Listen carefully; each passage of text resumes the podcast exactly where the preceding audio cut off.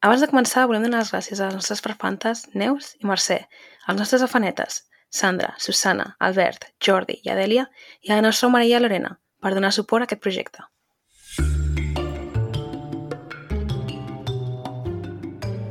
Benvinguts a Malandre Criminal, el podcast on comentem documentals de crims de la manera més cutre possible, perquè no sabem fer-ho millor. Jo sóc la Carla. Jo sóc la Marta. Jo sóc la Clara. Ah, mira, mira que bé, el dia d'avui. Està bé. Sento Tomàs Molina. Aviam. Okay. Uh, Vols començar amb això o vols dir-li directament? No, no, no. Avui, aviam, haig de... O sigui, potser m'hauré de mutejar una mica perquè estic, estic assistint, as we speak, una persecució de gats. Perquè els dos gats s'han retrobat després d'una setmana i llavors ara s'estan dedicant a perseguir-se l'un a l'altre, saps? Mm. D'emoció Sí. i salta un sobre l'altre, bueno, cosites que passen. Llavors és probable que si sentiu algun sorollet d'alguna cadira o alguna és perquè salten per sobre la cadira, saps? I... La setmana passada el vaig deixar el soroll de la cadira. El soroll de la cadira el vas deixar, vale, perfecte. El vaig deixar i tu fent ui, ui. Ah, això també ho vas deixar, no? Molt bé, meravellós. Clar, a veure, el soroll de la cadira sense context no té gaire gràcia. Meravellós. O sigui, jo he fet, he fet la maruja, no? També. Vale, vale. Ai, estic molt cansada avui. Sí, Jo també. Com aneu vosaltres? Culpo la Carla, totalment. Jo també. Um, Vinga, I avui tinc no molta son. Jo també tinc molta son. Mira, avui serà ràpid. Procedim a fer un episodi d'una hora i mitja. Segurament. No, avui ha de ser ràpid perquè jo demà m'hauré de llevar a les sis i mitja. I de qui és culpa I av- que ho estem gravant avui a i aquestes avui- hores? Clar, de Carla. I avui... Ens has cancel·lat dos dies. Ens has cancel·lat dos dies, mm, Carla. Bueno, és el que hi ha, vull dir. No puc fer més amb el temps que tinc. O sigui que... Bueno, se't perdona. Se't perdona. Bueno, a mitges. Ens hauràs de compensar abans de que s'acabi l'any. Clar, Sí, sí, ens ho has de corrent. compensar. El hauràs de compensar amb el millor episodi del món per l'últim de l'any, perquè et toca a tu. Ah, o sigui, la Carla, Sobre. li has deixat a la Carla la responsabilitat Tècnicament, em tocava a mi. Em tocava a mi i volia ah, fer aquest com a últim de l'any, però em vaig oferir a fer-lo abans perquè la Carla no podia. Ok. Bueno, no, aviam, és que expliquem les cosetes, perquè, clar, la Carla, aquí on la veieu, està treballant com a 39 hores a Oh! Barcelona, Vaja. que significa, no significa 39 hores només, significa haver d'estar com 3 hores més per dia perquè ets d'anar i tornar. O sigui que, com podreu comprar, mm, no tinc temps per fer res. So... Això et passa per demanar feina a un lloc que et queda una hora i mitja de casa. Ha entrat a la vida adulta clar, la Carla. Sí, hi ha un munt de feina aquí a Calafell. Bueno, és que fliparies perquè és que l'atur el tenim al zero. Bueno, La qüestió és que la setmana que ve toca un episodi de la Carla i ha de ser espectacular per acabar l'any, ¿vale? Carla, espectacular, eh? Li podeu donar idees. Eh, ja veurem, eh? Us aviso. No, home, ja ho veurem, no, ha de ser espectacular. No, No ja pots veurem. deixar els oients, no I pots deixar els llavors- oients penjats. Espera, perquè llavors toca el primer de l'any 2023 que li toca la Clara i també hauria de ser espectacular. Merda. Tocat. bueno, bueno. Pues Carla, que no sigui molt espectacular, que així el meu, com que Vale. saps, va per sobre. Podeu Vale. donar suggerències d'episodis que serien un bon episodi de final d'any i un altre que seria un bon episodi de principis I d'any. si duren menys d'una hora, ja, bueno, us faig un monument. Bueno, he de dir que l'episodi d'avui està en el meu top 5 d'episodis d'aquest any, eh? És que per això el volia fer l'últim, jo. Us ho Però saps quant de temps porto volent fer aquest cas? M'ha agradat molt. Des de que vam molt. començar el podcast, bàsicament. Porto No. volent fer aquest cas. És un cas molt... O sigui, és molt guai. No sé, a mi m'agrada. És una olla molt gran. Sí, la veritat que sí. Que m'ha agradat moltíssim. No m'esperava. De fet, quan vaig veure que era una hora 30, vaig dir, uf, joe. Però vaig pensar, mira, em poso la meitat i el dia següent l'altra meitat i ja està. I el vaig veure tot en un dia. Sí, sí, Jo sabia la història, però no l'havia vist, aquest documental. I la veritat és que vaig veure els primers 30 minuts agafant apunts i després estava tan immersa en la història que el vaig veure sense apuntar-me res i després vaig tenir que fer un... un hòstia, espera, tira enrere, saps? Ja, va ser pa'lante, no? Sí, estava tan immersa. Però bueno, abans d'això, Clara, digue'ns el dia del... Ah, sí, sí. Espera, El dia que és avui. que vull. Mira, avui és un dia molt important, Mhm. que és el dia del termòmetre. Molt bé. Uau, Flipes. No tinc res a dir sobre el dia del termòmetre. Sí, home, sí. Jo me'n recordo quan era petita, o sigui, en mis anys mozos, però quan era molt petita, que la meva àvia tenia ten- la meva àvia té un termòmetre d'aquests de tota la vida, del mercuri a dins, saps? Quina vull dir? Hmm. De, de taronja, o ataronjat, no sé si dels anys o què és taronja. Jo vull pensar que era No, taronja. és vermell, sempre, perquè, perquè el mercuri, no? És de color taronja o vermellós, no? Sí. Sí, és d'aquest to. líquid. I me'n recordo que quan em trobava malament m'enxufava el termòmetre i em donava una aspirina infantil. No sé si te'n recordes tu d'això, Marta? Sí, que aspirines sabor a infantils. fresa. Que eren roses, que després les van prohibir perquè eren tòxiques pels nens. O no sé quina història. Jo, jo n'havia Hòstia. pres d'aquestes. Sí, sí. Era, era la pastilla de referència a casa de la meva àvia, la- l'aspirina infantil. També, jo recordo prendre la casa de la meva àvia, també. Sí, sí, aspirina, i fora. I ara tinc un termòmetre que va connectat al telèfon a casa. Mira com han canviat els anys. Nosaltres ens va costar molts anys passar-nos del termòmetre normal al termòmetre digital. O sigui, al Mm. final vam acabar amb un, però no sé Sí, per sí. què. Però també dic una cosa, quasi que millor perquè jo mai he sabut llegir el termòmetre normal. Ja, és que havies com de mirar la línia, Clar. oi? Sempre ficant-lo contra el llum i... Sí, sí, sí, complicat. sí. Jo no tinc termòmetre, la veritat. Ah, No tens mira. termòmetre. No, perquè... Regal de mira, Nadal per la Anava a dir, ja, Carla. ja sé que regalar-te per Nadal. Fas Quina bé de dir-ho. Eh? Un termòmetre, no veas. Fas bé de dir-ho, Carla. Mira que emocionant bien. i no ho explico.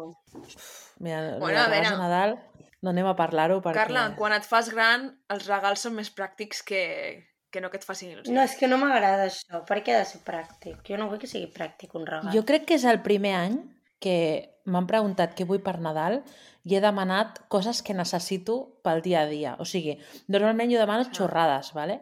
I a més, com sóc filla única, anem a dir-ho, doncs sempre he tingut regals guais, tipus un, un Mac, un altre any doncs, la Play, saps coses així. I aquest any he demanat una motxilla.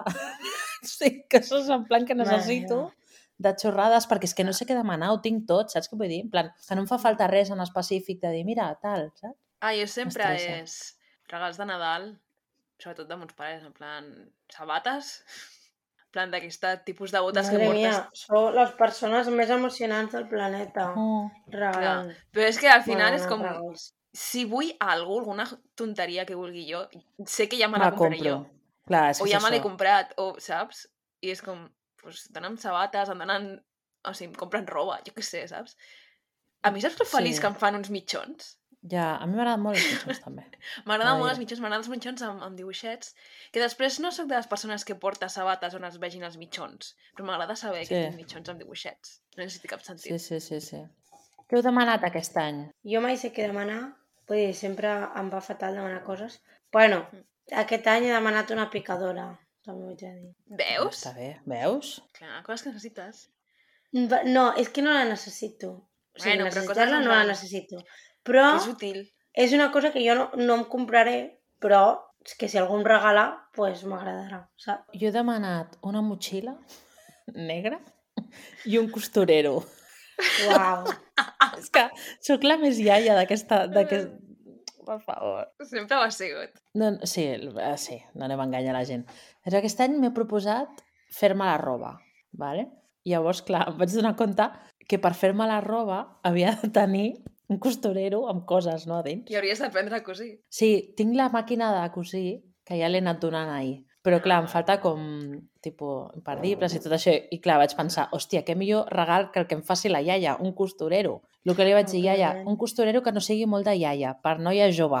Llavors, clar, no sé això com acabarà anant el tema.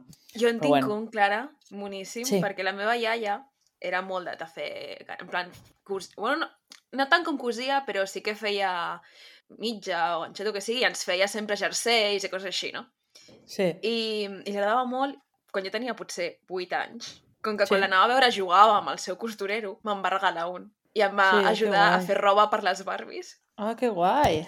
No l'he tornat a fer servir mai més, perquè jo no sé cosir, no he cosit mai, però el tinc allà, és moníssim. És com una, com una cistelleta de mimbre i la Sí. part de dalt té forma d'oxàgon Sí, i la part de dalt és com coixinet. que És guai. moníssima. Oh. Que xuli. Recordes bloquejat de la meva iaia, que es va morir fa molts anys. Que guai. Doncs jo, aviam que em regalen. Pot ser, pot ser dramàtic, o pot estar bé, anem a confiar que estigui bé. Si no, mira, pues tindré un costurero de iaia, no passa res. Tot es sobreviu. Està bé. Jo només Sí. he demanat unes botes a casa perquè és que necessito unes botes així que no siguin molt destraleres. I ja està, segur que em diran de comprar roba, però prefereixo esperar-me a rebaixes. I mon pare sempre em regala algú rotllo, una pulsera o unes arracades, que sempre diu que és com Ah. la sorpresa, saps? Sí, I és, bueno, vale, no porto pulseres ni arracades ni penjolls, però... vale. bueno, Bueno, però ho ha intentat. Clar, sí, sí, és el que compta. això és com mon pare que, té, sembla que tingui en plan una, un compte al Tous, perquè quan venen regals a ma mare sempre la solució és el Tous, que és com, papa, va, vinga, anima't una mica. Però sempre cada any és, bueno, vaig al Tous i ja trobaré alguna cosa. Mm. Mare meva. cosites que passen. Bueno, ja En fi, comencem, no? comencem, ens estem allargant massa ja. A tope. Espera, un segon, Bueno. que no m'he fotat el nom. Molt bé, molt bé. Quin, quin de tots? Perquè, clar... Clar, el nom del malandrí, el nom... Ja el tinc, Ah, ja, val, Mm. val. Ja, ja pots fer-me la pregunta. Marta, Digues. qui és el malandrí d'avui? El malandrí d'avui es diu Frederick Bourdain. Ah. Oh! Oh! Avui parlarem d'un documental que es diu The Imposter, que està fet per la cadena A&E i Channel 4 en col·laboració, has vist? Vaig apuntar fins I que és una necessitat que el vegi tothom. Sí, però haig de fer un apunt. A mi em dóna la sensació de que, no sé vosaltres, vosaltres coneixeu el cas? Us sonava d'alguna No. No. No. Jo que sí que el coneixia, em va donar la sensació que potser és un cas fet per gent que ja sap una mica la història base de què va. No sé vosaltres si què veu pensar, si us veu perdre molt o què va passar. Eh, no. Jo no em vaig perdre, en general, Jo em-. Um, em va agradar, però a part em vaig divertir molt. I em va fer molta gràcia com... Bueno, us faig una mica... És que ja faria spoiler, és igual. Que m'ha agradat molt com, com el plantejaven. Sí que després vaig buscar més informació, però més per la curiositat que em va picar, saps? Perquè sí que potser igual no expliquen com tota la història d'ell, no? Mm. perquè realment ell no només fa això, sinó que fa moltes altres més coses que potser hagués estat bé com donar una mica de context. Després ens pots Però- comentar coses perquè jo he, buscat Sí. coses a Reddit, rotllo teories i coses així, però no Sí. he indagat sobre ell. Ahà. Però m'ha agradat, eh? La veritat. Molt xulo. Doncs potser, potser a mi m'ha donat aquesta sensació perquè la manera en com jo vaig conèixer aquesta història la primera vegada estava, òbviament, estructurada diferent i és més semblant a el que faré jo avui perquè no, no puc explicar la història de la mateixa manera que el documental perquè seria un follon per mi. Llavors és com que hi ha dues històries, no? O sigui, és la mateixa història des d'un punt de vista i des d'un segon punt de vista, no? Mhm. I és el, el que farem. Farem primer la història des del punt de vista de, entre cometes, les víctimes i després la segona part serà la... No vull dir-ho així perquè no, bueno, és igual. També és una manera més sensacional- sensacionalista d'explicar-ho, crec jo. Però, bueno. Llavors, comencem? Comencem. Semblem el Carles Porta. Sí, sí, ho he pensat, eh? Dic, no diguis res, però sí, sí. Total. Vale. San Antonio, Texas, 1994. Desapareix un nen que es diu Nicholas Barclay, com el banc. Sí. Ja, quina gràcia. El Nicholas té 13 anys i quan el denuncien la desaparició de la família, el policia no el busca gaire, no? Diuen que, bueno... Lo típic que sents en molts d'aquests casos de... Ah, segur que... Li diuen runaway. Com ho traduiríem, Sí. això? Um, Eh, que Un desap- Houdini. s'ha escapat, sí. Houdini. S'ha escapat de Houdini. casa, tornarà, segur que tornarà d'aquí uns quants dies, o està a casa d'un amic, o el que sigui, no sé Però què. ja ho havia fet abans, també, no? Sí, això és una cosa que havia fet abans. Llavors, doncs, la policia no, no s'implica gaire. I en total acaben passant 3 anys i 4 mesos i no, no s'ha trobat el nen. Fins l'octubre de 1997, on el poble de Linares, Jaén, Espanya, Ja, com hem passat de Texas a Jaén? És boníssim. És que aquí em va enganxar. Clar, Saps què vull dir? O sigui, pam, ja està. Doncs el no- octubre del 97 a Jaén, uh, uns turistes troben un adolescent que ells creuen que té entre 14 i 15 anys i truquen a la policia. Uh, els expliquen que aquest nen no porta documentació, que està molt espantat, que no vol comunicar-se amb ells, però que està sol i que clarament no està bé.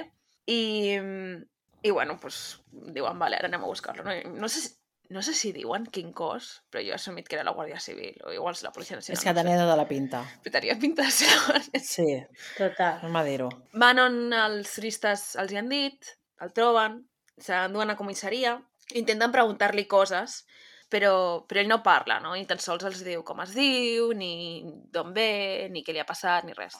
Llavors, amb aquest nen, uh, un cop ja comencen a descobrir una mica qui és i tal, acaben trucant a la Beverly Dollarhide, que és la mare del Nicholas Barclay, i li diuen que han trobat el Nicholas a Espanya i que, que vol tornar a casa. I clar, la família està molt confosa de com ha acabat el nostre nen a Espanya, a Jaén, Òbviament. i tenen entre dubtes i, i estan molt emocionats i tal, i la, la mare truca a la seva filla, la germana gran del Nicolás, li explica i tal i qual, i diuen, ostres, com, com el tornem a casa? I diuen, bueno, està en una mena de centre, jo he assumit que era pues, una mena d'orfenat o alguna per l'estil. Com un centre de menors. Sí, un centre de Sí. menors. I mm, des de l'ambaixada dels Estats Units d'Espanya els diuen, mira, pues està aquí, no sé què, hi ha un, una persona que treballa a l'ambaixada que anirà amb tu, en plan, heu d'anar anar fins a Jaén, a buscar-lo, una persona aquesta, no sé què, llavors fer tràmits i tornar-lo, no? I la, la germana gran, en comptes de la mare, perquè la mare pues, pensen que potser, no sé, estaria massa nerviosa o alguna cosa així, va la germana gran, que es diu um, Carrie. La germana es diu Carrie.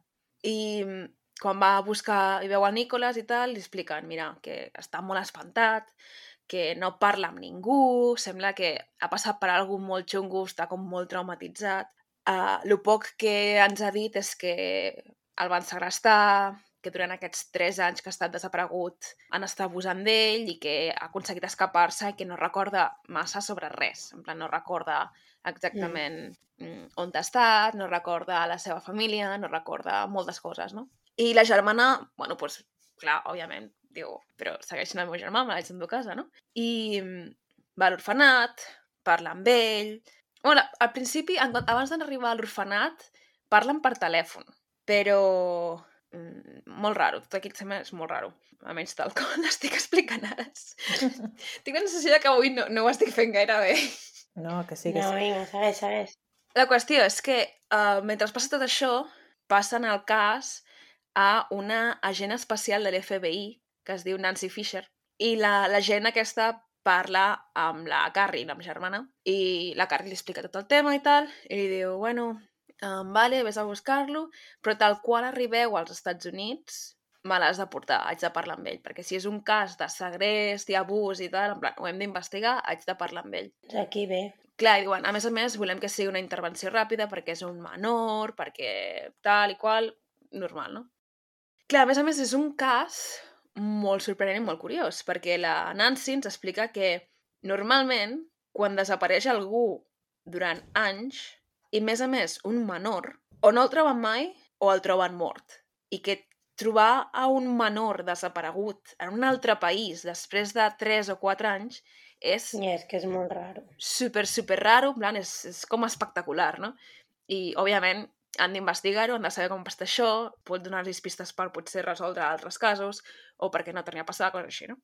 Aquí, una cosa, abans de que la Carrie arribi a buscar el Nicolás, el treballador de l'ambaixada amb el que es posa en contacte va a Linares a veure'l abans de, de que arribi la Carrie. I resulta que el Nick s'ha escapat de, del centre de menors Que... Guàrdia Civil style.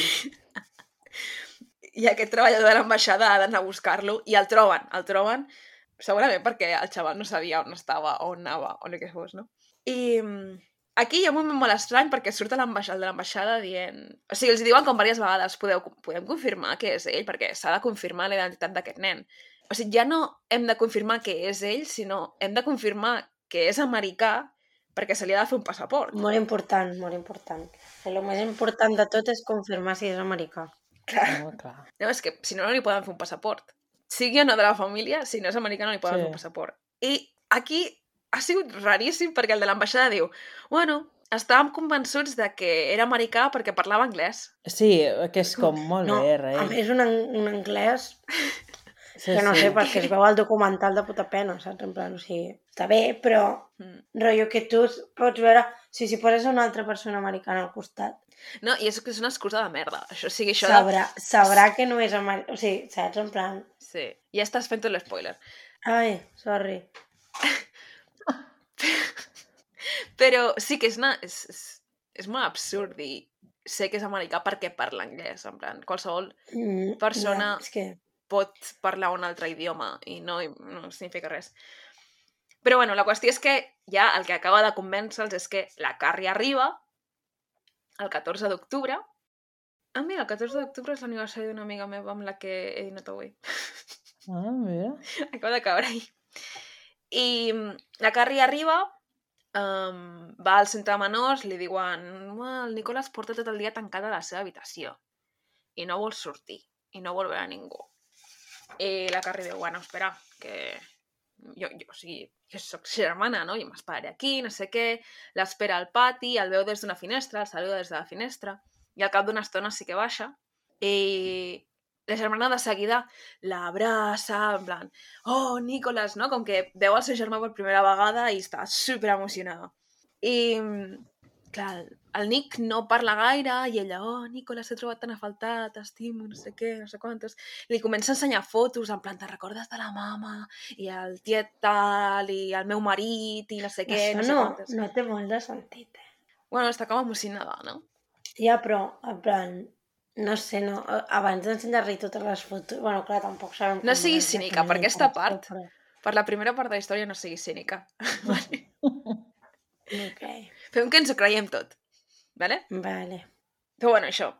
I ell va fent comentaris, el Nick va fent comentaris rotllo, oh, la mama està igual, oh, mm, aquest nen ha crescut moltíssim, jo, jo coses així, saps?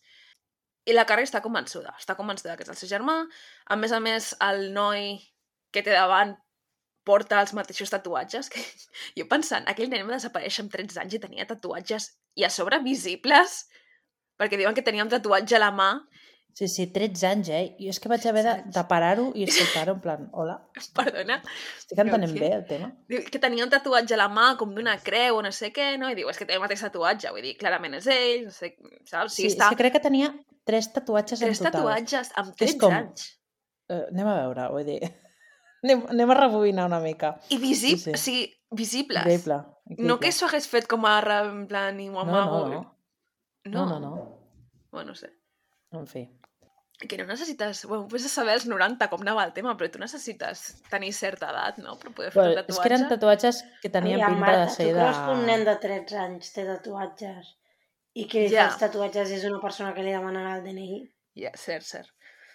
No, però sí que hi ha llocs que et pots fer tatuatges amb 14 o 15 anys amb, un, amb una autorització, saps? Sí. Ja, però, vull dir, li ho hauria fer algun conegut. Sí, sí, realment. segur, segur, segur. Però no sé, que és raro, és raro. És estranyot, és estranyot. Bueno, tot i així, la Carrie diu, bueno, pa'lante, eh, vull dir, és el meu germà. Sí que diu que està molt canviat, però clar, al final tenia 13 anys i ara té un xaval de 16 anys, no? Pues està molt més alt, um, i ja està, això, està canviat. Sí que diu, o sigui, per ella el que diu que, que la convenç totalment de que és el seu germà, de que l'han trobat, és el tatuatge i el fet de que té les dents del davant separades, perquè el Nicolás tenia les dents del davant separades. Uh -huh. Que random, eh? Però tot i que la gent de l'ambaixada estan convençuts de que és americà perquè parla anglès i la Carrie està convençuda de que és el seu germà, algú amb dos dits de front, el jutge de Linares, de que li toqués, diu, a veure, a veure, un segon, segon, perquè està anant Anem molt a ràpid. rebobinar. Sí, està anant molt ràpid tot això. Potser necessitem fer-li quatre preguntes més i assegurar-nos de que és ell. I li fan un test, que al principi no ens expliquen quin test és, ens explicaran en la segona part a quin és el test, però és, és, és un test genial, és, és increïble, sí. és super... per tota la merda que diuen de ah, el jutge, això, el jutge l'altre, no sé què, li fa un test de merda, que és en plan ensenyar-li fotos Sí, i que les reconegui. i que les reconegui. En plan, sí, aquesta és la meva mare, aquesta, saps? Quan la germana li ha estat explicant totes les fotos. Mm. Agafen un avió, se'n tornen cap als Estats Units, el Nicolas està com molt nerviós, com molt espantat de tornar a casa, de veure la família. La família el rep a l'aeroport, estan allà tots, i mm, el Nicolas se'l veu que, que està distant, manté la distància, no tornen les abraçades, es nota que no vol que el toquin gaire i tal, però diuen, bueno, a veure, si està tan traumatitzat, l'han abusat, l'han abusat sexualment eh, i, i l'han Mm. estat torturant i coses així, és normal que està traumatitzat el xaval, doncs potser necessita una miqueta de temps perquè tot torni a la normalitat. Però ells intenten fer-lo sentir còmode, li donen espai, se l'enduen a casa i tal.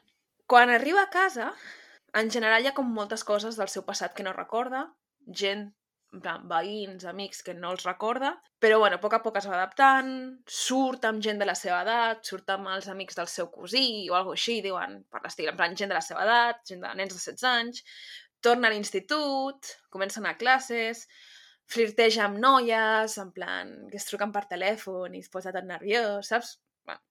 The American Mm. Dream, bàsicament. Sí, coses sí. d'adolescent, no? Però mai parlen del que li ha passat. Mai li pregunten, perquè creuen que, que igual serà com fer un pas enrere, que ja s'obrirà ell sol en el moment que estigui preparat i tal i qual. I mentrestant, la gent de la FBI està encara esperant a que la truquin, en plan, hola, us vaig dir que em truquéssiu tal qual arribéssiu als Estats Units i no, no m'heu dit res. I quan s'entera de que sí que està als Estats Units i que porta potser un mes allà, diu, hòstia, mm, quasi que fem una entrevista, no? I li pregunten exactament si pot explicar el que li va passar quan va desaparèixer i què li ha estat passant durant aquests tres anys. Clar, quan la, la Nancy, la senyora de l'FBI, es reuneix amb ell, al principi està una mica com no gaire convençuda, perquè diu, no s'assembla gaire a les imatges que jo tinc del, Nick, Home. de quan, del Nicolas de quan va desaparèixer. És que s'ha tenyit el cabell amb ros pollastre. Però bueno, era un look molt de l'època, no? Sí, Perquè. M'ha recordat el de, el de Backstreet Boys, el... Mhm. Saps, Sí, saps que portava et- les puntes així. Sí, sí, que com també anava així. Sí. Mm. Què més? Ah, li diu que, que se suposa que té 16 anys, però ell, ella li dona la sensació de que té més de 16 anys, en plan, li posaria més anys, però bueno. Diu, Nicolás, explica'm què et va passar, com et van segrestar, necessito continuar amb la meva investigació. I el Nicolás explica que va ser segrestat per militars. No dona més Aviam, detalls. aviam. Podria ser, després de la, Aviam, el que vam tenir la setmana passada, ens ho Podria creiem ser. tot. Sí, sí, seguim sí. en el mateix mood militaresc. Sí, No sé, o sigui, realment seria tan raro. sí. Pensa que no dona més detalls, saps? No, no diu... Ja. Tal com ho explica, tal podria ser com una persona vestida militar o podria ser tot un esquadrón. No, I a no més que el que passa és que li posa massa drama al tema. Sí, ara anem a això. Perquè el següent que diu és que, bueno, aquests militars, no sabem qui són, se'n van endur a Europa, però d'Europa mai sabia exactament on estava. Em anava movent de lloc i no sabia on estava. I jo no era l'únic nen. Hi havia molts d'altres nens de la meva edat allà també. Deia que els mantenien en habitacions fosques, que els drogaven, llavors, clar, es drogaven i quan els despertaven estaven en un altre lloc, però, o sigui, en una altra habitació fosca, però no sabien el país, no sabien res. I mm, que els càrrecs militars anaven allà i pues, s'enduien el nen que més li semblés i els violaven cada nit. Qualsevol diria que estaven a València, eh? Sí. Clar, diu, em van moure per tota Europa i venien militars americans, mexicans i europeus. Els mexicans han rebut de gratis. Sí, sí, Aquí. clar. Perquè és com, bueno, americans, vale, t'han raptat d'Amèrica, europeus, dius que t'han portat a Europa, s'ha acabat a Europa, vale? Els mexicans, no sé, què feien? Els militars mexicans. A més, Europa, europeus com a país, eh? Vull dir, Sí, en plan... clar, clar. Però bueno, vale. Home, això és molt americà. Aquí Sí, punts. bàsicament. Sí, això sí. Igual, no sé, els americans no diferencien entre, no sé, un alemany i, i un portuguès. No, no, ja t'ho dic jo que no The diferència. US, I México i la resta del I món, la resta del món. I Europa, la resta d'Europa. Sigui, Europe, sí, Europe i ja està. En fi. També diu que no només els violaven cada nit, sinó que els torturaven, li van trencar les mans uh, i que no sé, no me'n recordo ara si ho diu en plan, és que em van trencar la mà tantes vegades que ja no puc escriure amb aquesta mà, haig d'escriure amb l'altra, o alguna així, Sí, saps? una cosa estranya, sí, que és com, ole tu, rei. Que els cremaven, que sí que ell té que, mm, cremades de cigarreta en plan a l'esquena i tal i qual, de cicatrius, que els donaven insectes per menjar, uh, que feien experiments amb ells a lo, a lo, no sé, ha sonat molt a lo camp de concentració, això, Sí, sí, sí, total. que els punxaven els ulls en aquests experiments, que si parlaven anglès els apallissaven, que els hi van fer un rentat de cervell per fer-los oblidar qui eren i d'on venien i tal i qual, que els hi donaven noms falsos, que els hi tenyien el Aquí ja cabell. és massa. Sí. Ja és com, algo raro ja. Llavors, clar, quan els diu això de sí, perquè volien com canviar-nos la identitat, ens tenyien el cabell, no sé què, el que feien era punxar-nos els ulls amb un líquid especial que ens canviava els color dels ulls. I per això, Ah, amb 13 anys jo tenia els ulls blaus i ara els tinc marrons. òbviament. és Huele que, mal, huele mal. Vull dir, que no et creus d'això? Quina altra explicació podria haver-hi? Sona molt lògic i coherent tot. Diu que un dia una porta de les habitacions aquestes on es tenien tancats no, no va quedar ben tancada i pues, que va poder escapar-se, va començar a córrer i que, que no sabia on estava i simplement hores més tard es va presentar a la policia a, on estava amagat i, i ja està que així és com es va escapar, que no sabia res, no sabia on estaven, que no sabia res. Clar, la gent de l'FBI, sent aquesta història, està horroritzada, perquè diu, um, aquesta història és horrible, és superespecífica, Sí. i el seu raonament és, per explicar aquest tipus d'històries tan específic i amb tant detall i de la manera com ho està explicant, només pot ser o que hagis patit aquest tipus d'abús o que ets un pertorbat mental i un actor de la hòstia. Mm. Quina de les dues opcions serà? Ah, no se sabe. Sorpresa. Sorpresa. Però crec que esta... ja han donat suficients pistes com perquè sapigueu. Llavors, la, la gent de l'FBI està una mica en plan que no sap, no sap què, què fer-ne d'aquesta informació, no sap què, què pensar. I llavors entra un senyor que es diu Charlie Parker, que és un investigador privat, Molt fan, molt fan del senyor. perquè la gent de l'FBI els diu a la família, si plau, no contacteu amb, amb la premsa perquè si sortiu a la premsa i surt que esteu treballant amb l'FBI i expliqueu aquesta història, serà més difícil per nosaltres trobar les persones que van segrestar el Nicolas i poder fer la nostra investigació bé. Però, clar, les teles, a la mínima que s'enteren de que hi ha una història d'un nen que va desaparèixer fa 3 anys i que va reaparèixer a Espanya, estan tots com locos, no? I aquest senyor, aquest investigador Normal. privat, apareix perquè una televisió, un productor d'una televisió contacta amb ell i li demana que si, que si pot trobar-lo. O sigui, la seva feina és trobar-lo, simplement. Uh -huh. I mm, bueno, l'investigador mm, el troba i tal i qual, i després va a la família, fan entrevistes, va a la tele. Però l'investigador, mentre estan fent-li les entrevistes, hi ha un moment en què se'l queda mirant i llavors veu que al costat hi ha una foto del Nicolas quan va desaparèixer. I es mira la foto i es mira el xaval. I es mira el xaval i es mira la foto. I diu, mm, algú No. no em quadra. Per començar, no li quadra el dels color dels ulls. Que ell té tota la història... Sí, ell té tota la història de que li van punxar els ulls. Però a l'investigador, no sé si no ho sap, aquesta història de les punxades als ulls, o no se la creu, no ho sé. Però li sembla raro. I llavors aquest senyor del random recorda en algun moment de la seva vida haver llegit un article sobre Scotland Yard identificant a gent per les orelles. La qual Com? és increïble. És graciosíssima aquesta part, jo em vaig quedar... A més, és d'aquestes coses super randoms que llegeixes a vegades en plan en llocs d'internet i se't queda com permanentment a la ment. Aquests És boníssim. Total. Decideix fer el mateix. Agafa, se'n va a casa seva.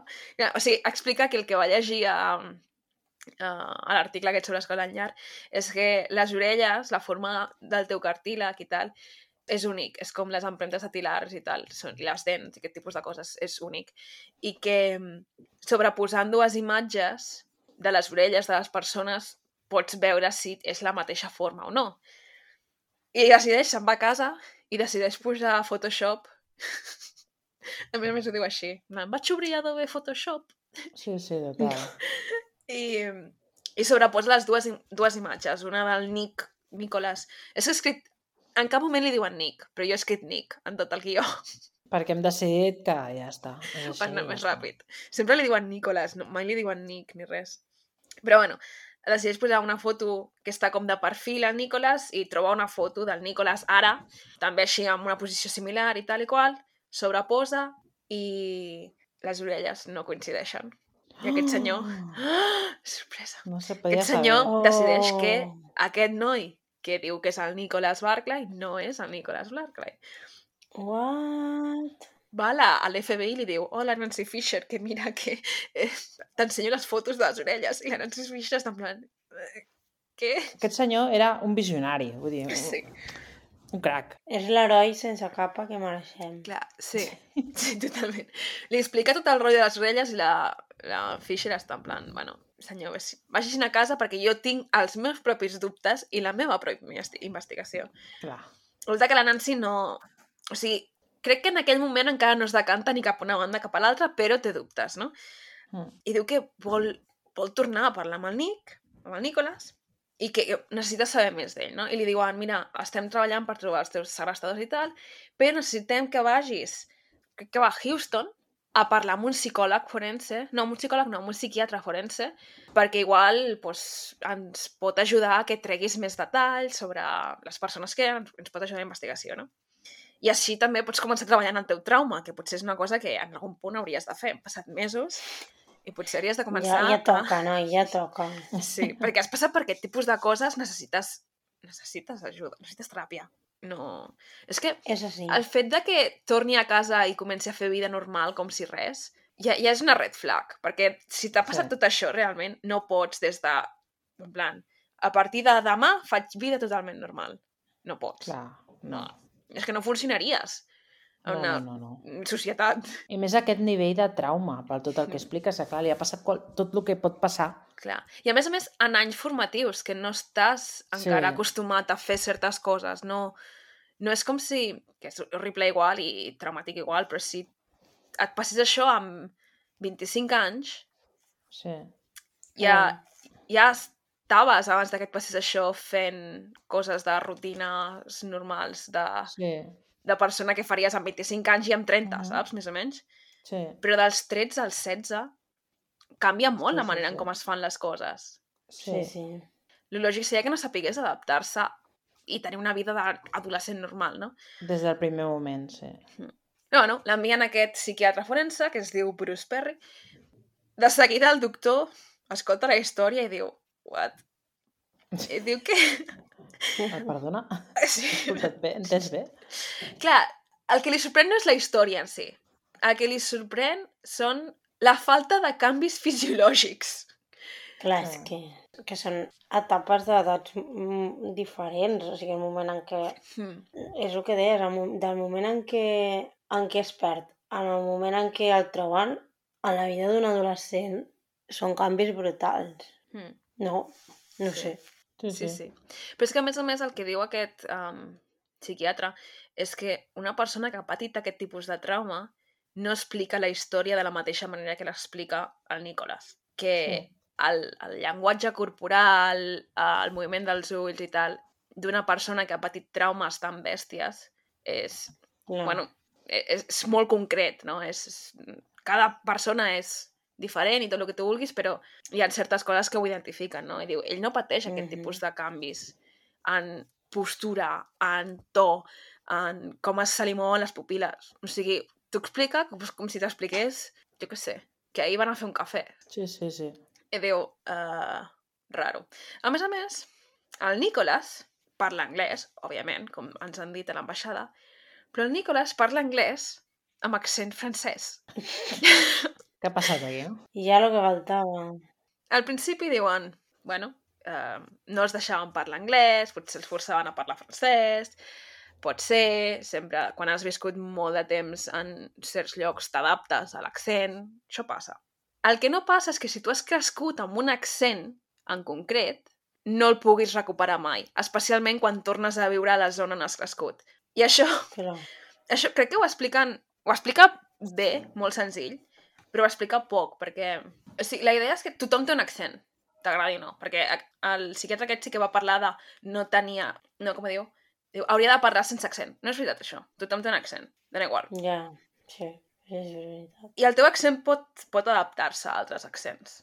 Sí, hi ha, hi ha, per exemple, algú a la feina que l'altre dia jo no havia sentit mai que tingués accent i em diu, no, jo és que sóc argentí. I de cop i volta diu, no, jo és que el puc, saps, en plan com un interruptor, el puc apagar i encendre. I va fotre a parlar amb l'accent més argentí que jo he sentit en la vida, saps? Sí. És, com, és que el tema dels accents és una mica... És un tema també a part, perquè Depèn molt d'on et trobes, però és això que normalment quan tornes al lloc d'on has crescut i tal, et Mm. torna a sortir l'accent d'allà. Clar, o sigui, i sobretot quan es tracta de, de parlar en família. Clar, Si ja de per si ja tenim tendència a certes persones els hi parles en cert idioma i no et surt parlar-los en un altre, que això passa, no? Sobretot, amb, per posar l'exemple, Sí. en famílies que siguin migrants, segurament parlaràs amb l'idioma del lloc d'on provenen els teus pares, amb els teus pares, amb els teus avis. clar. I et seria raro parlar en un altre idioma amb ells.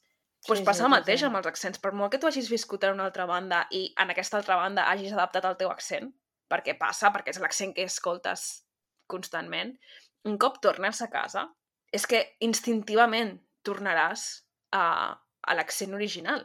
És que no... O sigui, lingüísticament no, no té cap altra... És que no es pot fer de cap altra manera. O sigui, no, no hi ha alternativa Uh -huh. clar, el psiquiatre diu, ja no és que faci un accent o un altre, és que no pot parlar sense l'accent francès. Una hauria d'haver deixat l'accent francès, o sigui, naturalment sí. hauria d'haver s'hauria d'haver dissolt i hauria d'haver tornat al seu accent normal, perquè és que no, no té... És que no hi ha altra manera.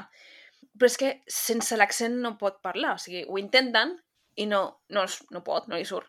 I diu, no, això no és normal, això el que m'indica és que aquesta persona no s'ha criat, els seus anys formatius, la seva infància, no l'ha passat a Estats Units, i si l'hagués passat a Estats Units, hagués sigut amb una família francesoparlant, francesoparlant, no sé si existeix aquesta paraula, però bueno, No, que però... parlés francès. Bueno, que parli francès. Llavors, clar, el psiquiatre li diu això a la senyora de l'FBI i la senyora de l'FBI diu, ah, doncs potser que no és el Nicholas Barclay. Mm, Potser, Aquí hem potser portat en aquest país. no? ens hem equivocat una miqueta. Exacte. Aquí hi ha com un, un gir total, no? En plan, la investigació fa un gir de 180 graus. I el primer que fa la, la gent de l'FBI és dir-li a la Carrie uh, escolta, Carrie, aquest no és el teu germà. No vinguis a buscar-lo de- d'això del psiquiatre i tal, perquè no és el teu germà. Ho, ho podem confirmar ara, no sabem qui és, però no és el teu germà. I la Carrie diu, ah, vale. Ah, I què fa la Carrie? Endur-se'l. Es presenta i se l'endú a casa, com si res, en plan, fa com si res. Però és que la Carrie deu estar traumatitzada també, pobra Carrie. Clar, fa 5 minuts ha parlat per telèfon amb la Carrie i la gent de FBI es queda allà amb una cara de tonta. Pobra. Però bueno, Bueno, per altra banda, l'investigador privat segueix investigant i investiga què havia passat amb la família. En plan, a veure, si aquest senyor, ell està convençut, aquesta persona no és el Nicholas Barclay, no puc saber qui és, però potser puc saber com va desaparèixer el Nicholas Barclay, potser en plan què va passar i demostrar que no, no és aquesta persona, no? I descobreix la situació familiar abans de la desaparició del Nicholas. Descobreix que no era una situació ideal. eh, no s'ho esperava ningú. Del pare del Nicholas no se'n parla en cap moment, cap. O sigui que assumirem que no estava per la raó que fos. No, A fotos, sí. potser no sabem si havia pirat, si havia mort, no ho sabem. I el Nicholas, pues com ja hem estat dient, en plan, un nen de 13 anys que té tatuatges a les mans i tal, era una mica... eh, ca- causava problemes. Sovint Era un s'emprenyava... niño, un niño de calle, Sí. en que el sentit de la paraula. Sovint hi havia bronques a casa i marxava un dia o dos a casa d'un amic i llavors tornava. Uh, un, una veïna li explica que com a mínim un parell de vegades al mes es presentava la policia a la casa dels Barclay per, pues, per disturbis, el que fos. I a més a més també descobreix que el Nicholas, a part de la seva germana gran, la Carrie, té un altre germà gran que es diu Jason. El Jason no vivia a la casa fins que va començar a viure a la casa. Plan, en algun punt va tornar a viure a la casa de sa mare, vivint a la casa sa mare, el Jason i el Nicholas. El Jason és addicte a les drogues i si ja hi havia problemes de per si, a més a més amb el Nicholas, que era així una mica rebel i tal, es veu que hi ha encara més bronques un cop el Jason es muda a la casa. A més a més, diu que un cop el Jason es muda amb ells i segueix consumint drogues, no està confirmat això, però les males llengües diuen que la mare també comença a consumir drogues. Uh -huh. Això ho deixa una mica com se decía en el barrio, saps? Vale. Llavors, desapareix el Nick i dos mesos després de la desaparició, el Jason truca a la policia i els diu que el Nick ha intentat entrar a la casa però que quan ha anat a buscar-lo, ha sortit, ja no hi era. Sí, és com una carta, no? També els escriu... Ah, no, un statement era, sí. Sí, no sé, Una és cosa estrany. molt estranya, sí. Que clar, això fa sospitar, en veritat. Sí, és com que et truca Clar. la policia per dir-li el meu germà està viu i està per aquí, però m'ha tornat a desaparèixer. Uh -huh. Ok, vale. Clar, el, el senyor investigador diu, uh, esto, esto me huele mal. Sí. Està, està molt a tope, Mhm. aquell senyor en aquest cas. Es pensa que Sí, el sí, resoldrà sí, ell sí. sol.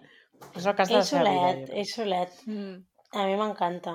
Llavors, uh, a l'FBI necessiten ADN de la família per demostrar que, que pues, per ADN que no pot ser el Nicolas, que no pot ser, no està, Uh -huh. no, no té relació. Però la família es nega. Que això també és com...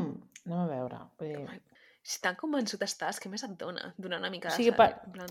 per, per una part és com volen protegir-lo, o sigui, entenc la part aquesta, però després per l'altra és com, al final te n'has d'assegurar de, saps, però- de tot. L'ADN d'ell ja el tenen. De quan li han fet l'entrevista, de quan ha anat al psiquiatre, l'ADN ja, ja el ah, de la El que volen família. és ADN de la mare o de la germana per poder comparar-lo. Jo pensava que, li Clar. pren... que no volien el d'ell per no molestar-lo, saps? No, Vaig no, pensar, no. bueno, és normal. Volen. ADN de la mare i la mare es tira al No. terra i no vol. Sí, que bo, tio. Sos. I la gent de l'FBI ha de demanar una ordre judicial Sí, per sí, sí, obligar-la a treure donar. ADN.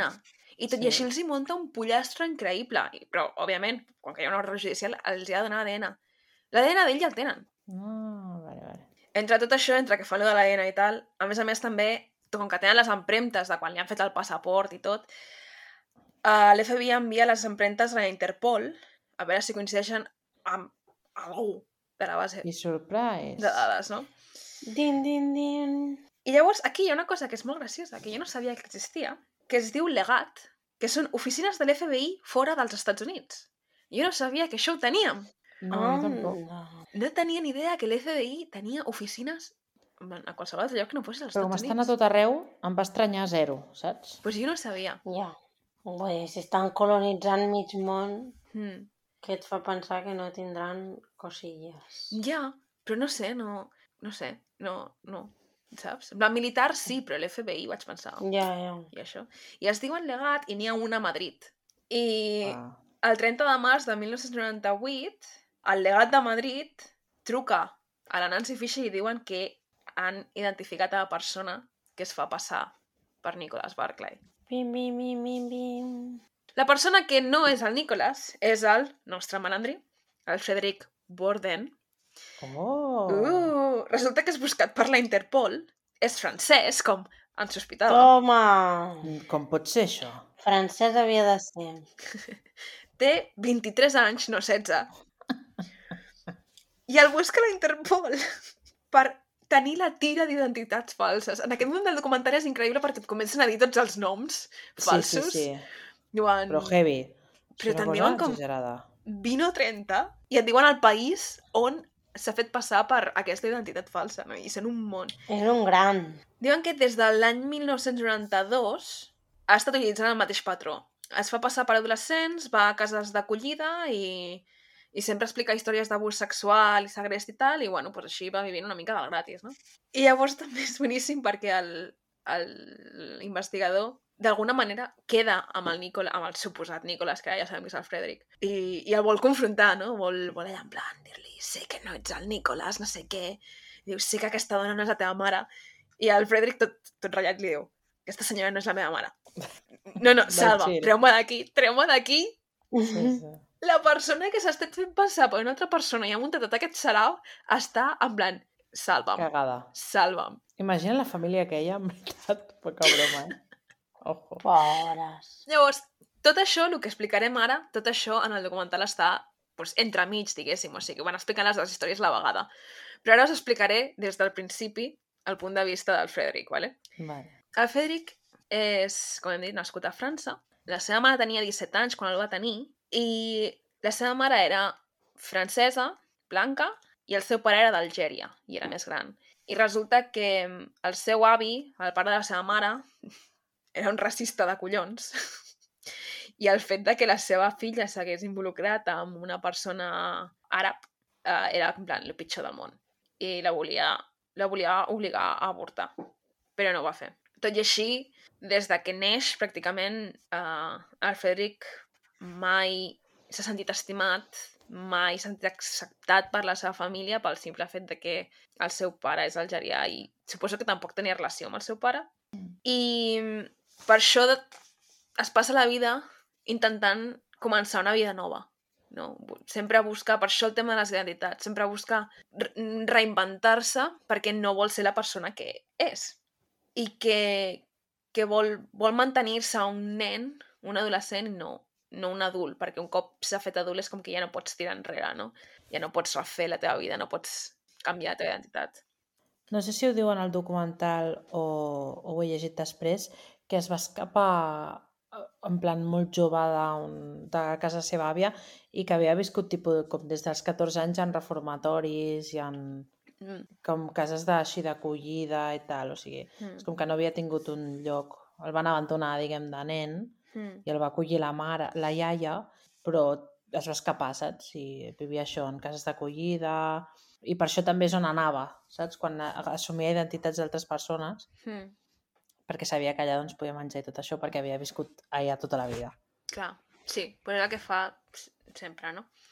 Diu que un cop es fa gran, el que comença a fer és es posa roba més gran per semblar més petit o més escanyolit, no? Sempre es posa roba que li va gran, sempre es posa una gorra que li tapa els ulls, perquè vol donar aquesta sensació de que se sent espantat perquè vol que la gent se senti malament per ell, vol donar aquesta sensació de que està nerviós i tal.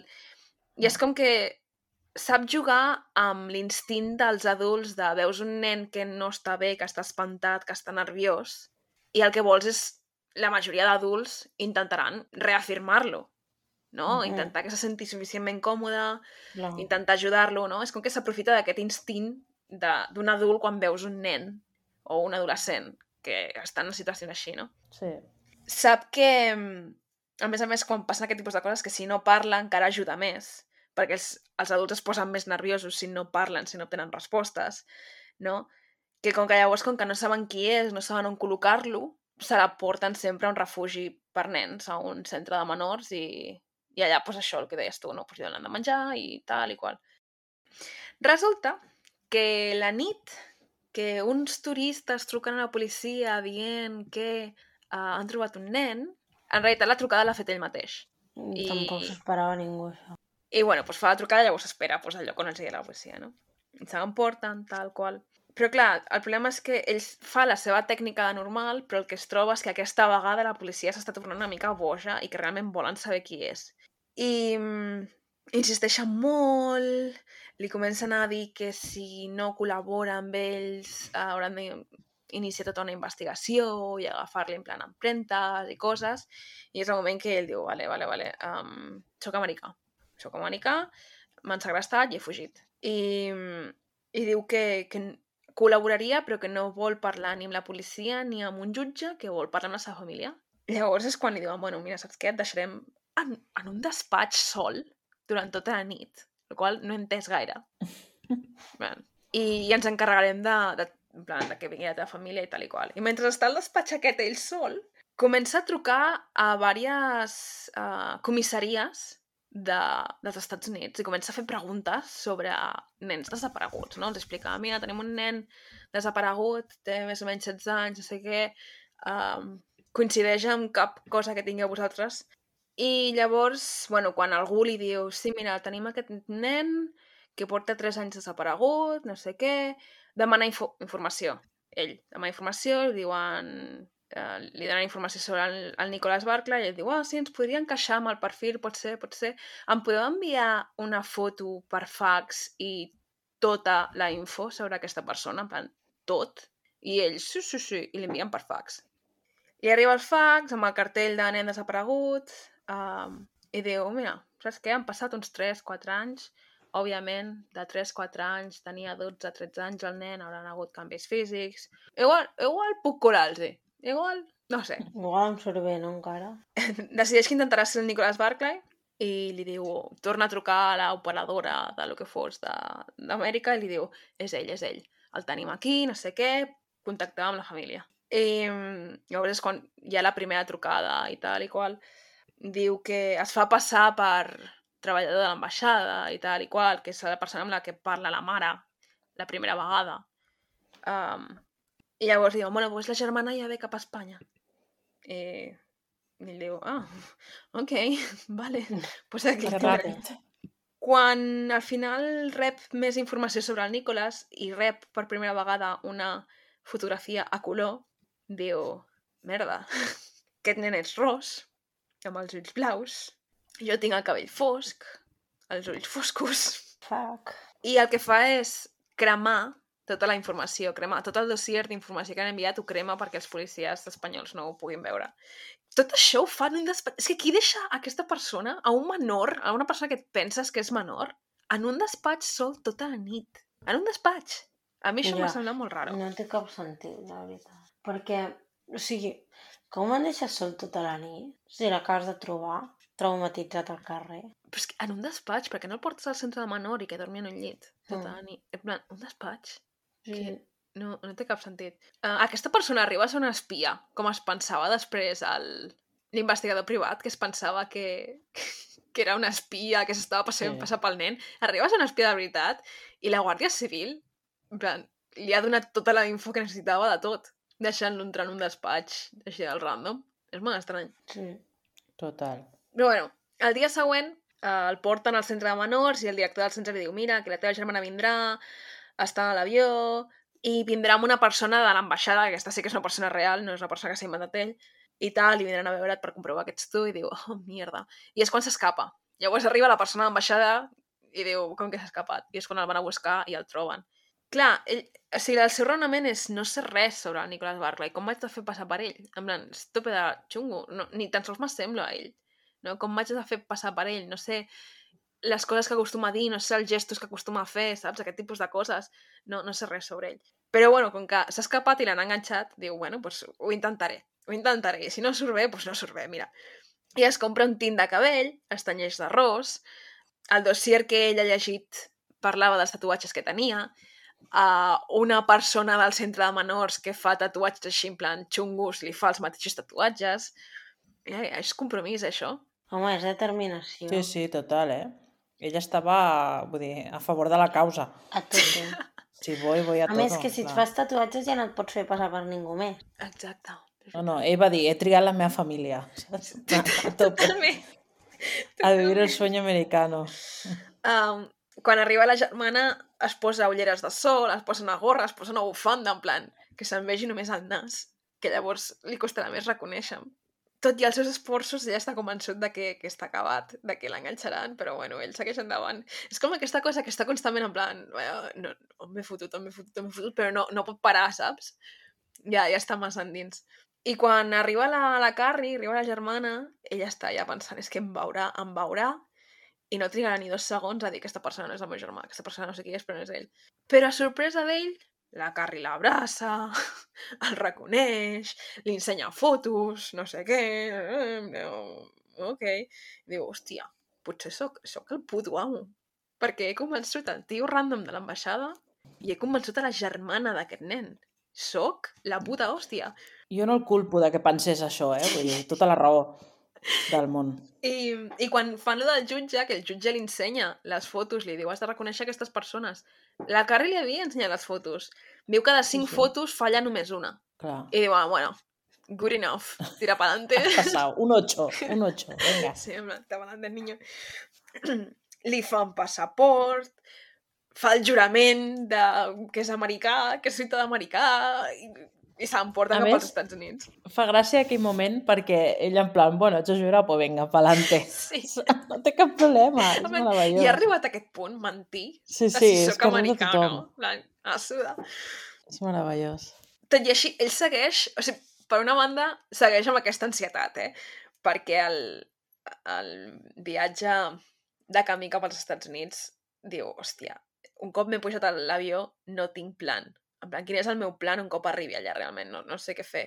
L'únic que sé és que arribaré als Estats Units i tindré un passaport americà. Igual em puc escapar i simplement pues, viure als Estats Units el que sigui. Però com que la família de seguida està- l'accepta i les que si l'abracen, que si no sé què, no sé quantos, diu, bueno, mira, m'ha sortit bé. A Sembla que aquesta família està disposada a donar-me amor, que és el que em falta en aquesta vida. I, i ja està. I al principi manté la distància, no? Va amb peus de plom, però diu, hòstia, per primera vegada a la meva vida tinc una família, no? I em fa molta gràcia també perquè diu, Texas no és el que m'esperava. Perquè És una merda. a mi dels Estats Units m'imagino en plan grans ciutats, no? Los Angeles, Nova York, molt cosmopolita, i em van portar al mig del no-res. En plan, em van portar Sí, sí, sí, a una sí. granja. Però bueno, està content de- d'estar allà.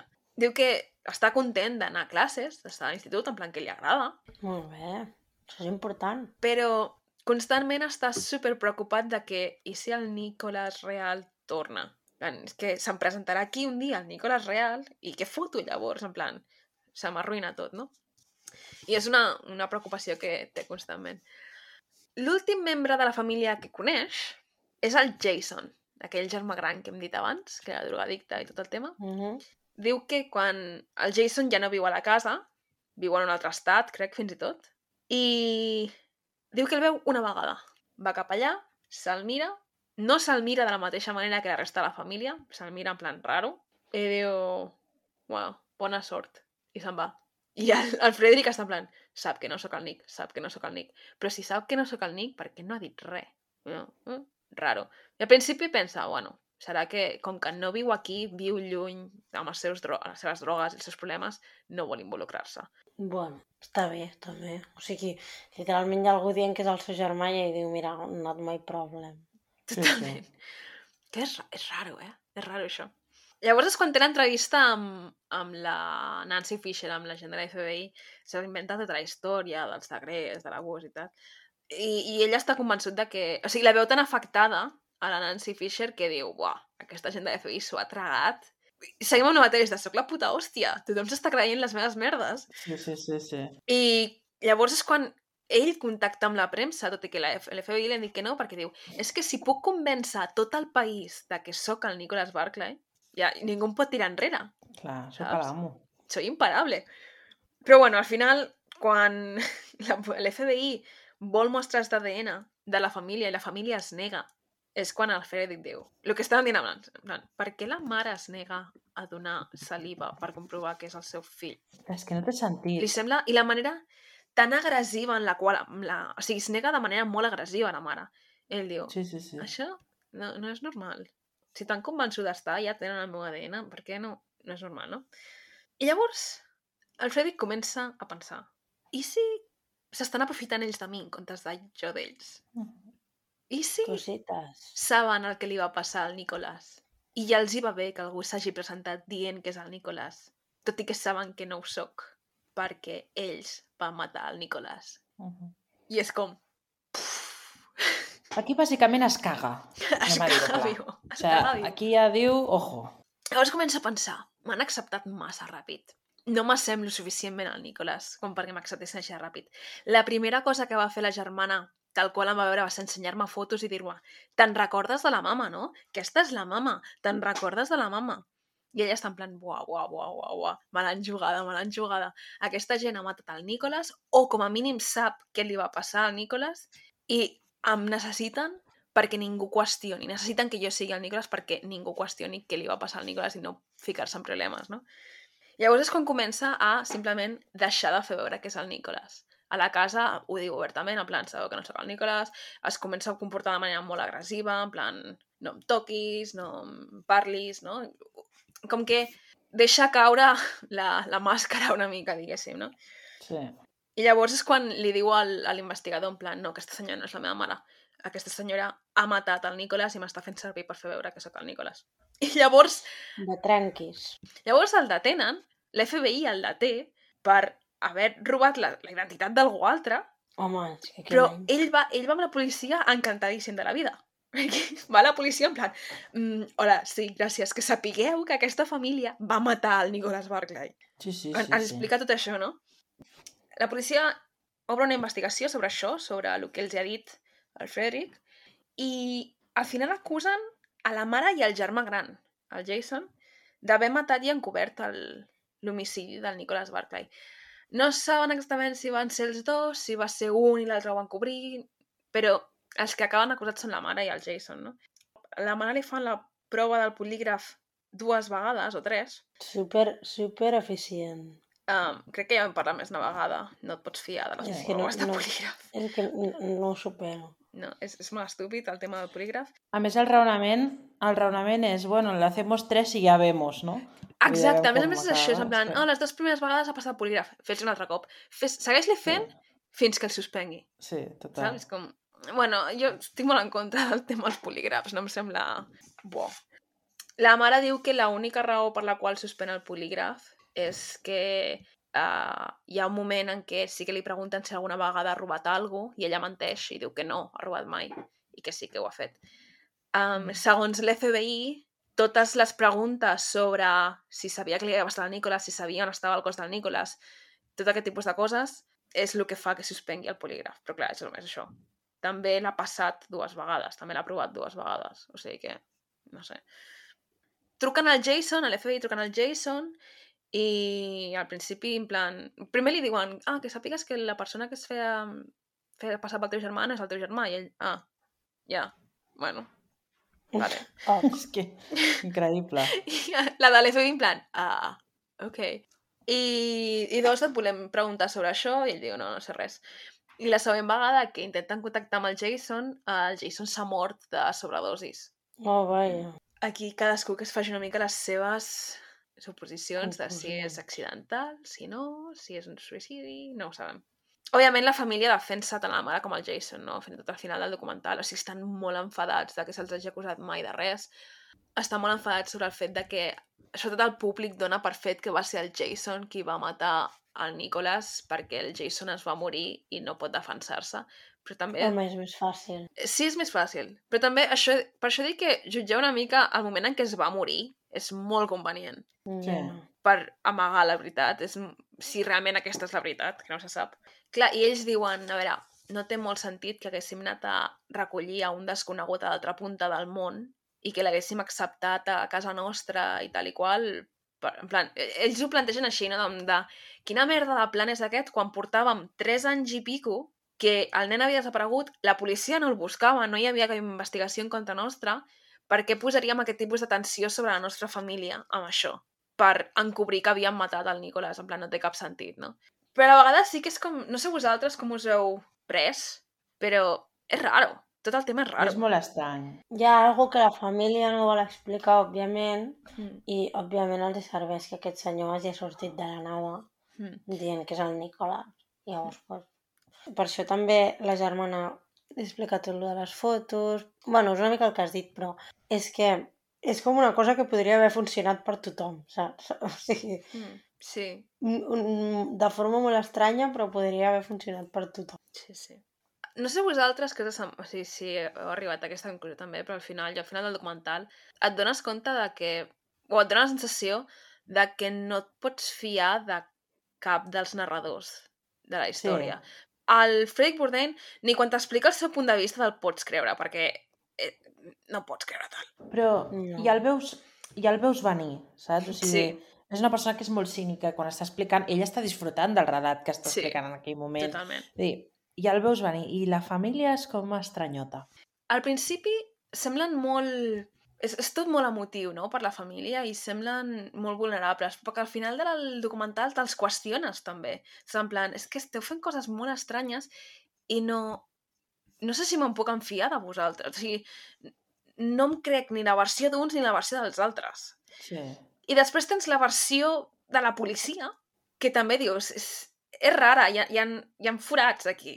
Com a policia no Mm. m'has donat una informació així ben tancada, saps? No, no sé, falten coses. Ja, falta moltes coses. Però el documental està guai. No, sí, el documental està super ben fet. A més a més, el, la persona que fan recreacions, una mica, així com per omplir imatge, i, i l'actor que fa de- d'ell, l'actor que fa de Frederick Bourdain, és clavat. Sí, clavat. que ho vaig buscar i tot, sortia a càsting i eren dues persones diferents, però és clavadíssim. Sí, sí, és És clavat. increïble. I escolteu, la part final que surt ell ballant Michael Jackson És molt és, estrany. és molt estrany, està molt ben com pensat Mm. i és molt creepy alhora. Vull dir, acabes Sí. amb una sensació de uf, Aquest tio Eh? no està bé. no, hombre, ja Bueno. es veu. Em queda una miqueta encara, eh? Uh, la qüestió és que investiguen a la mare i al Jason i tal, però la investigació de l'homicidi del Nick Barclay um, es tanca a falta de proves, no han trobat mai cap cos. A dia d'avui segueix a la base de dades de persones desaparegudes dels Estats Units. Mm. Per altra banda, el Frederick Bourdain va ser condemnat a 6 anys, 6 anys de presó per... Uh, atenció, eh? Perquè els 6 anys de presó són per haver obtingut un passaport de forma fraudulenta, vale? Mm. Que li han donat, però bueno. i per haver mentit sota jurament, quan va dir que era americà. I posava en plan la mano en la Bíblia. Tot el rotllo de has liat la de la hòstia, has mentit, t'has fet passar per una persona desapareguda, aparentment, legalment, no, no, no és un crim, no existeix. Saps allò de quan, quan vas als Estats Units que et fan signar un paper que et diuen atentaràs contra els Estats Units i tu has de Sí. posar no. Sí. Eh, vols matar el president i tu has de posar no. Clar, serveix per això. sí, sí, sí. Perquè si ho fas, eh, carregues. Totalment. O sigui, li caben sis anys per obtenir un passaport il·legal, bueno, legal, però de manera il·legal, i per perjuri, per mentir sota jurament. Sí, sí. Um, va a presó, el 2003 el deporten a França, i arriba a França, i tres mesos després és arrestat per intentar robar la identitat d'un nen de 14 anys desaparegut a França. Matela. Que llavors ja no tens 23 anys i dius, igual si tinc aquest aspecte una mica més de nen puc passar. No, havien passat 6 anys, tenia en plan Sí, sí. 23 més 6, 29 anys. Tenies quasi 30 Sus anys, años, tio. Tenies años. quasi 30 anys i t'estaves fent passar per un de 14. vale. I així s'acaba el documental, el que deies tu d'ell ballant i tal i qual. I la meva gran recerca va ser Google, Frederick Bourdain, ¿dónde está hoy? A dia d'avui, això ja no està al documental, però que sapigueu, a dia d'avui el Frederick Bourdain viu a França, Molt bé. es va casar, va tenir cinc fills, Déu-n'hi-do. Uau. però segons un post de Facebook de 2017, la seva dona el va deixar i se'n van Sí. nens. Sorpresa. Però va estar Per què casat serà? molts anys, eh? Va estar casat en plan com 10 anys. Madre mia. Té compte d'Instagram, però és privada. Oh, Però a la foto, a la foto es veu ell amb els cinc nens. Uh, té un canal de YouTube on té 4.530 subscriptors, però no hi ha vídeos. wow. Ok. I també té una pàgina de Facebook, però no he pogut entrar perquè no tinc Facebook, o sigui que no he pogut mirar.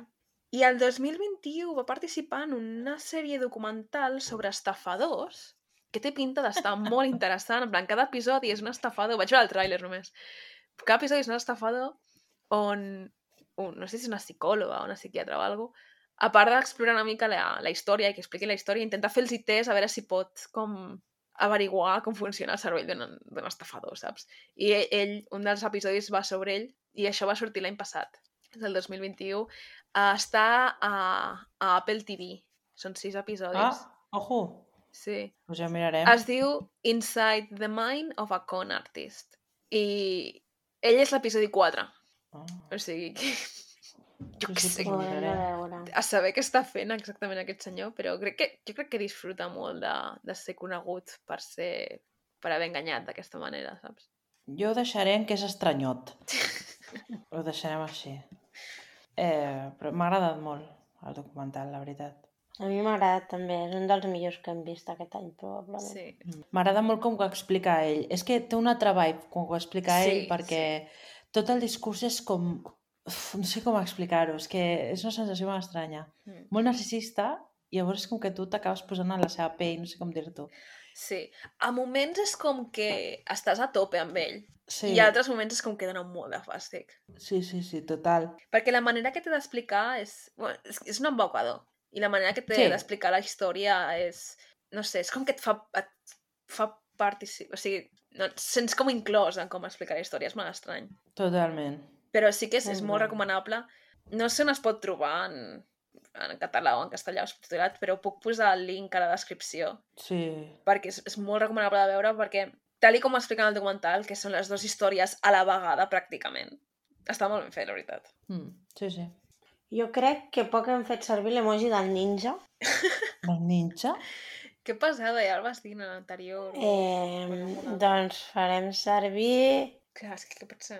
la bandera americana, que no, no hi ha res millor que això. Vinga. The American Dream. The American Dream. Yes. Ok. El que fa la gent per, per això, eh? Ja veus, eh? Total. És que va dir jackpot, m'ha tocat, saps? Totalment. No us ha fascinat la manera en com des de la pròpia Guàrdia Civil el van deixar fer tota la història? Sí, és que fins i tot És quan ni la història fantàstic. passa a Espanya i Clar. no vas a la Guàrdia Civil, la Guàrdia Civil troba una manera de cagar-la. Clar, és que va passar que jo crec que li van deixar el telèfon i no hi havia ningú que parlés anglès. Jo ho sé, el van deixar parlar, És molt saps? possible. I ell anava organitzant. És molt- és molt possible que passés una cosa així, en plan, truca tu No, perquè no. no parlem anglès. No, no, total, és, és, és tota la pinta. Boníssim. En fi, un dia més Espanya fent el ridícul. és que és, és increïble, és increïble. Doncs res, bandera d'Amèrica, Mm. bueno, Estats Units, sorry, i a tope de power eh, amb aquest episodi, que eh, jo recomano que veieu el documental Mm. perquè és molt xulo. I res, Sí, és això. Vale, doncs. Bona nit. Adéu. Bona nit. Adéu. Adéu.